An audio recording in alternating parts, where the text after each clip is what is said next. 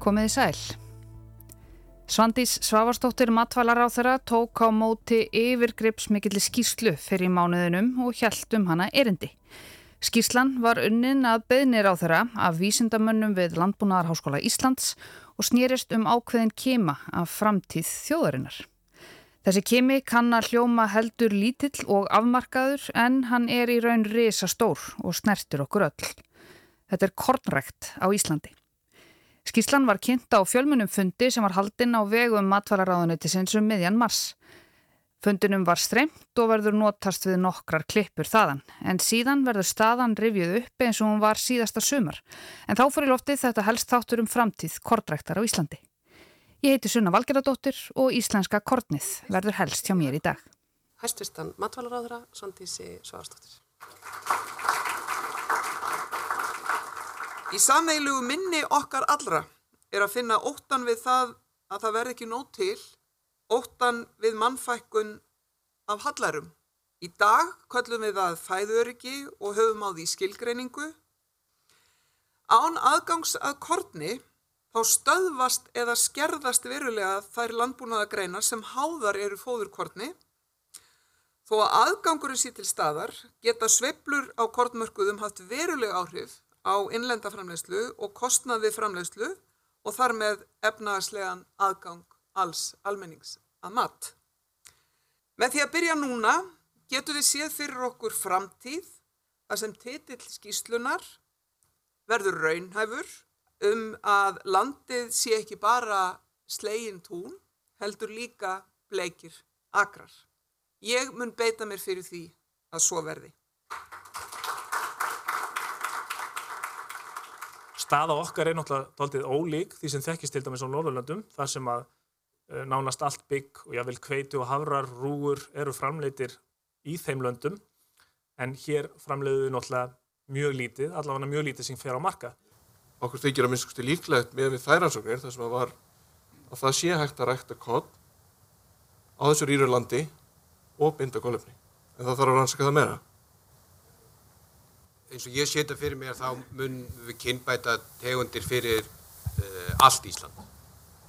Að við náum uh, að, að við náum þessari töfra töfra lausna það verði eh, eitt kveiti fyrir Ísland og svo, já, ok, reynda tvö bygg fyrir tvö, tvær gerðir að byggi. En að ná uh, sko já, það, það er raunhæft markmið og að reyna að kynbæta tegundina fyrir eins og segir héröð eða landsluta uh, það, væri, það, er, það er mjög göfugt en, en það held ég að verði of kostnæðarsan.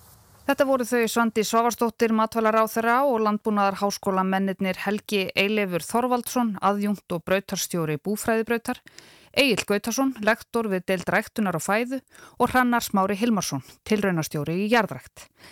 Ég talaði einmitt við Hrannar í júli í fyrra þegar þessi mikla skísla var enn á teikniborðinu og þá var undirstreikað hversu mikið mikilvægi íslenskrar kortræktar hefði aukist og ymbrað á lovorðum stjórnvalda um að skoða leiðir til þess að ebla innlenda matvælaframlöslu svo fæðu öryggi okkar sér tryggt. Fæðu öryggið okkar verður einmitt brótættara og brótættara með hverju árinu, hvort sem það er stríði, smittsjúkdóma, faraldrum eða handfarallínun um að kenna. Hrannar segir að íslenska landbúnaðakerfið sé svo brotið þegar kemur að kortrækt að það sé rauninni kvorki hægt að selja íslenskt kortnaráði nýja kaupa það. Það er engin markaður með kort því það ræktar engin kort og það ræktar engin kort vegna þess að það er engin markaður með kort. Þetta er eins konar pattstaða sem er ómögulegt að vinna sig út úr. Eða hvað? Rivjum aðeins upp hver staðan var hér síðasta sumar. Mikilvægi innlendrar kortræktar hefur aukist verulega í takti við aukið vægi fæðuöryggis. Framkemur í stjórnarsáttmála ríkistjórnarinnar að slík aðgerða áallun skuli unnin. Kornrækt á Íslandi hefur minkað undan farin ár eftir töluverðan vöxt í greininni á fyrsta áratug aldarinnar. Stæðstur hluti íslenskrar framleiðslu fyrir fóður innan bús en hér á landi er ekki til félag sem getur keift og geimt korn í miklu mæli. Þar koma téð korn samlug til sögunar. Bændur hafa heldur ekki tryggingu fyrir því að geta selt kornið sem þeir rekta. Littlar sem engar kornbyrðir eru í landinu sem ógnar sannarlega fæðuöryggi og samkvæmt okkar upplýsingum eru ekki til nema um eins til tveggja mánuða byrðir af korni hér á hverjum tíma. Raunin er svo að ráefnabyrðir til fóðurgerðar svara ekki mikið meira en um sex vikna þörf. Mun fyrr eða á kannski þremur vikum, til dæmis ef skipakomur myndur raskast, færu að verða vandræði með að framleiða allar tegundir af fóðurblöndum og þá er voðin vís. Og þó að við höfum verið að reymbast við að rækta korn í mörg ár og það sem er að segja minnst á eblingu kornræktar í hennum nýja stjórnasáttmála, þá er tímasetning á þessari áætlun ráð þeirra engin tilviljun. Þó að við séum sannarlega farin að fá smjör þefina því sem koma skal í loftslagsbreytingum þá hefur stríðið í Úkrænu haft gríðarlega mikil áhrif á ráfurumarkaði um allan heim. Hinn gula og bláa Úkræna með kornakurinn í grunninn og heiminin fyrir ofan er eitt stæsti kornframleiðandi heimsins. Rúsland og Úkræna flytja samanlagt út tæpan þriðjung af því kveiti sem er selt í alþjóðu viðskiptum. Einning má nefna að Rúsland er stæsti byggframleiðandi heims og Úkræna sjötti stæsti. Innan landamæra Úkrænu er gríðarlega frjósamur jarðvegur og er hún stundum kölluð brauðkarfa Evrópu. Viðskiptabann vestrætna ríkja gegn Rúslandi og stríðs ástandið í Úkrænu munað öllum líkindum valda skerðingu og frambóði kortmara á markaði.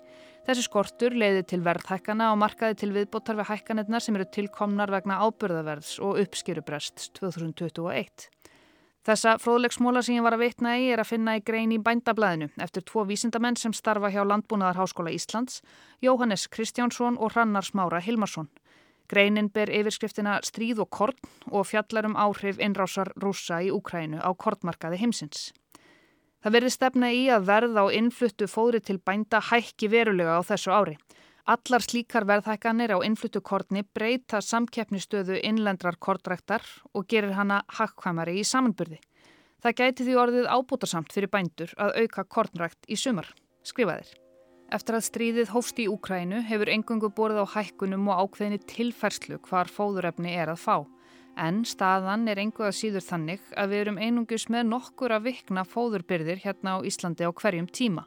Og þetta er staða sem gæti verið skinsamlegt fyrir stjórnvöld að beina sjónum sínum að ef tilkæmi að allt færi á versta veg. Þá degja fyrst allar hænur, allar varphænur, allir kjúlingar. Síðan dreipast öll svín og svo lækkar nitin í kunnum um helming. Og hvað ætlum að gera þá? Það er engin þjóð sem að lifir, lifir svona sko frá mánu til mánuðar nema hún sé bara undir ströngu eftirliti alþjóðleira stopnana því að það er yfirvondi hungursneið segir Hrannar Smári, annar höfundagreinarinnar og einn fulltrúi í tjeðum starfshópið matvalar á þeirra sem á að skila tillögum um eblingu kortræktar. Hrannar er plöntu erðafræðingur og er tilraunastjóri í jarðrækt við Landbúnaðarháskólan. Hann hefur unnið við kortræktarverkefni skólan síðan 2015 og leitt þau síðan 2017. Ég náði tali af Hrannari þar sem hann var stattur í útlöndum, ekki í fríi þó, heldur á alþjóðaráðstefnu um byggrækt, eðlilega. Okkur sem er andum þetta verkefni, okkur er við erum ánum svolítið þreytt á þessu vegna þess að þetta er bara eitthvað sem er talað um frekar heldur það sem er gert. Og uh, nú þarf bara að hætta að tala um þetta og gera þetta. Og það er okkar skoðun að, að helsta fyrirstaðan fyrir að kottrættin eflist á Íslandi er að, að það er ekki til neitt markaður með korn á Íslandi. Og, en samt eru bændur að kaupa korn en þeir geta ekki keift íslensk korn, það stendur þeim ekki til búa það og þeir bændur sem að getur rægt á kort, þeim stendur ekki til bóða að selja kortin sitt. Þannig að þessi markaður er bara, er markasprestur og það er það sem okkur langar að laga og við ætlum að gera físilega könnun á því að stopna þyrði kort samlaga á Íslandi og gera útfæstur á því hvernig það gæti verið stopnað, hver myndi eiga það, hvernig það myndi starfa og, og, og slíkt. Þetta er auðvitað svona catch 22 kannski sko að hérna það er ekki markað með kornu vegna þess að rektar ekki korn og það rektar ekki korn þess að það er ekki markað með korn. Varðandi kornsamlagi þá er það byggt upp eins og til dæmis mjölkursamlag. Þetta er fyrirtæki oft samvinnu félag sem kaupir korn af bændum samkvæmt verðskrám, þurrkarða og selur til dæmis til möldunar, fóður eða matargerðar. Bændur hafa fjárfest í þurrkunarbúnaði fyrir lítið magn en hafa ekki bólmagn fyrir stórar og áhættusamar fjárfestingar. Með líklegt að niðurstaðan úr verkefninu verði svo að við munum leggja til uh, hvernig samlægi mun vaksa með aukinni kottrækt.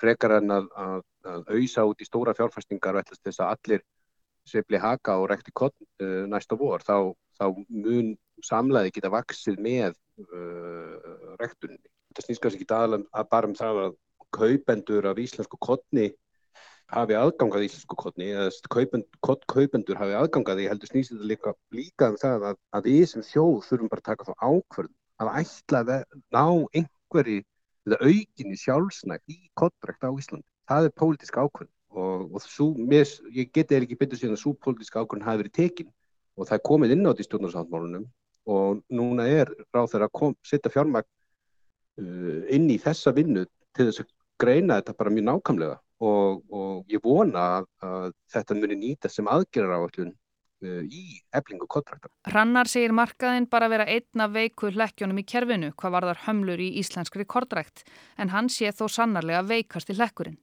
Plöntu kinnbætur eru annar veikur hlekkur en Hrannar hefur sérhæft sig í plöntu kinnbótafræðum í mörg ár.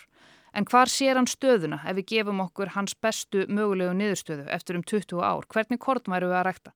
Fyrst og fremst uh, bygg. Bygg verður uh, það sem við þurfum að rekta fyrst. Það mun ná, ná uh, aukinni sjálfsnægt í landbúnaði. Þetta er svona low hanging fruit í eblingunni, eblingu kottrættarnar er, er byggrækt.